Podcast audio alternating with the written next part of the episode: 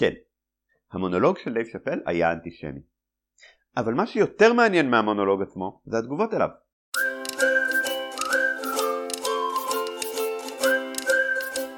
אז עבור אלה מאיתנו שלא שמעו את הסיפור, נתאר בקצרה על מה מדובר. לפני שבועיים התארח הסטנדאפיסט האמריקאי דייב שאפל בתוכנית המערכונים Saturday Night Live והגיש את מונולוג הפתיחה שלה. במונולוג הוא עסק בהתבטאויות האנטישמיות של שני מפורסמים אמריקאים אחרים, קניה ווסט וקיירי אירווינג, ששניהם, כמו שאפל, שחורים. שאפל נמנע מלהסכים במפורש עם אמירות אנטישמיות, אבל המונולוג היה רצוף ברמזים עבים לזה שהסיבה שהוא כל כך נזהר, היא שמסוכן להעליב יהודים כי הם שולטים בהוליווד. כל המונולוג היה בנוי מאמירות כאלה, שניתן לפרש אותן בשתי דרכים, כמו אני לא אומר שהיהודים שולטים בהוליווד, אני כן אומר שלא משוגע לחשוב את זה, אבל כן משוגע לומר את זה בקול. שזאת אמירה שניתן לפרש בתור משוגע לומר את זה כי זה שגוי ופוגעני, וניתן לפרש אותה גם כמשוגע לומר את זה כי זה נכון, ולכן מסוכן להגיד. אין לי ספק שהמסר האמיתי של המונולוג היה אנטישמי. זה אמנם לפעמים קורה שאמירה תמימה ניתנת לפרשנות כזאת בגלל ניסוח לקוי, אבל כשמדובר במונולוג של רבע שעה, לי אין ספק שזה היה מכוון.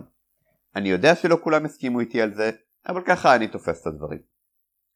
מה שמוזר בעיניי, זה שחלק גדול מהתגובה הציבורית, כולל מהקהילה היהודית, מתכחשת לחלוטין לזה שהמונולוג היה אנטישמי. ויש לזה סיבה.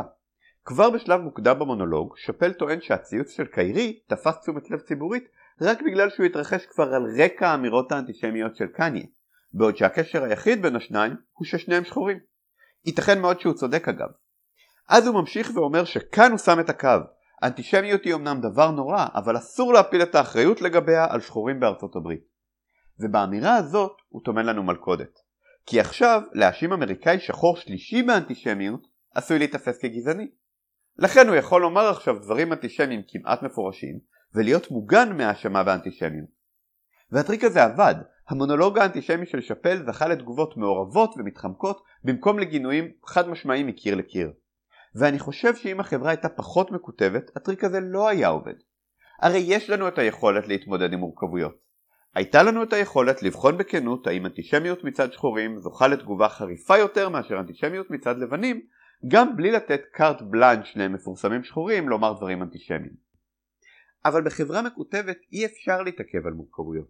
צריך לבחור צד. לזהות במהירות את מילות הקוד שמבהירות מי בצד נכון ומי בצד הלא נכון, ולהתייצב לצד מי שבצד הנכון. ושאפל ניצל את המנגנון הזה בכישרון רב.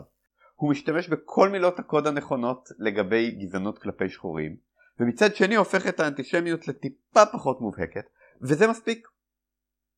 הצורך לבחור צד מונע מאיתנו לחשוב על שאלות מורכבות, אבל כחברה אין לנו ברירה אלא לחשוב על שאלות מורכבות, כי האתגרים שעומדים בפנינו דורשים את זה. אז צריך לנפץ את האשליה שיש שני צדדים, נכון ולא נכון. יש מגוון עצום של עמדות אפשריות, וזה שהחברה מתכנסת לשתי תפיסות עולם, או למספר קטן של תפיסות עולם, זאת בעיה. אסור לנו ליפול למלכודת הזאת.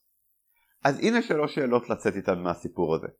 אחת, איך נפתח את היושרה שנדרשת לנו כדי לשקול בכנות עמדות שונות מאלה של הצד הנכון?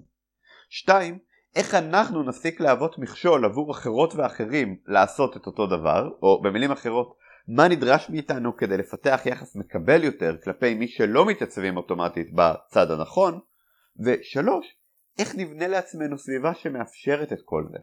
כזו שתאריך יושרה יותר מאשר נאמנות לצד הנכון, ושתספק לכולנו מקום בטוח לחשוב ולהתפתח. פרויקט גלים הוא ניסיון להקים קהילה כזאת.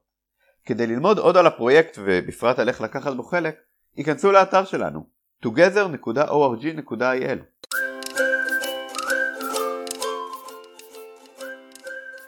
את לא מייצג ניתן לראות ביוטיוב או לשמוע בכל פלטפורמות הפודקאסטים. עשו מנוי כדי שלא תפספסו אף פרק.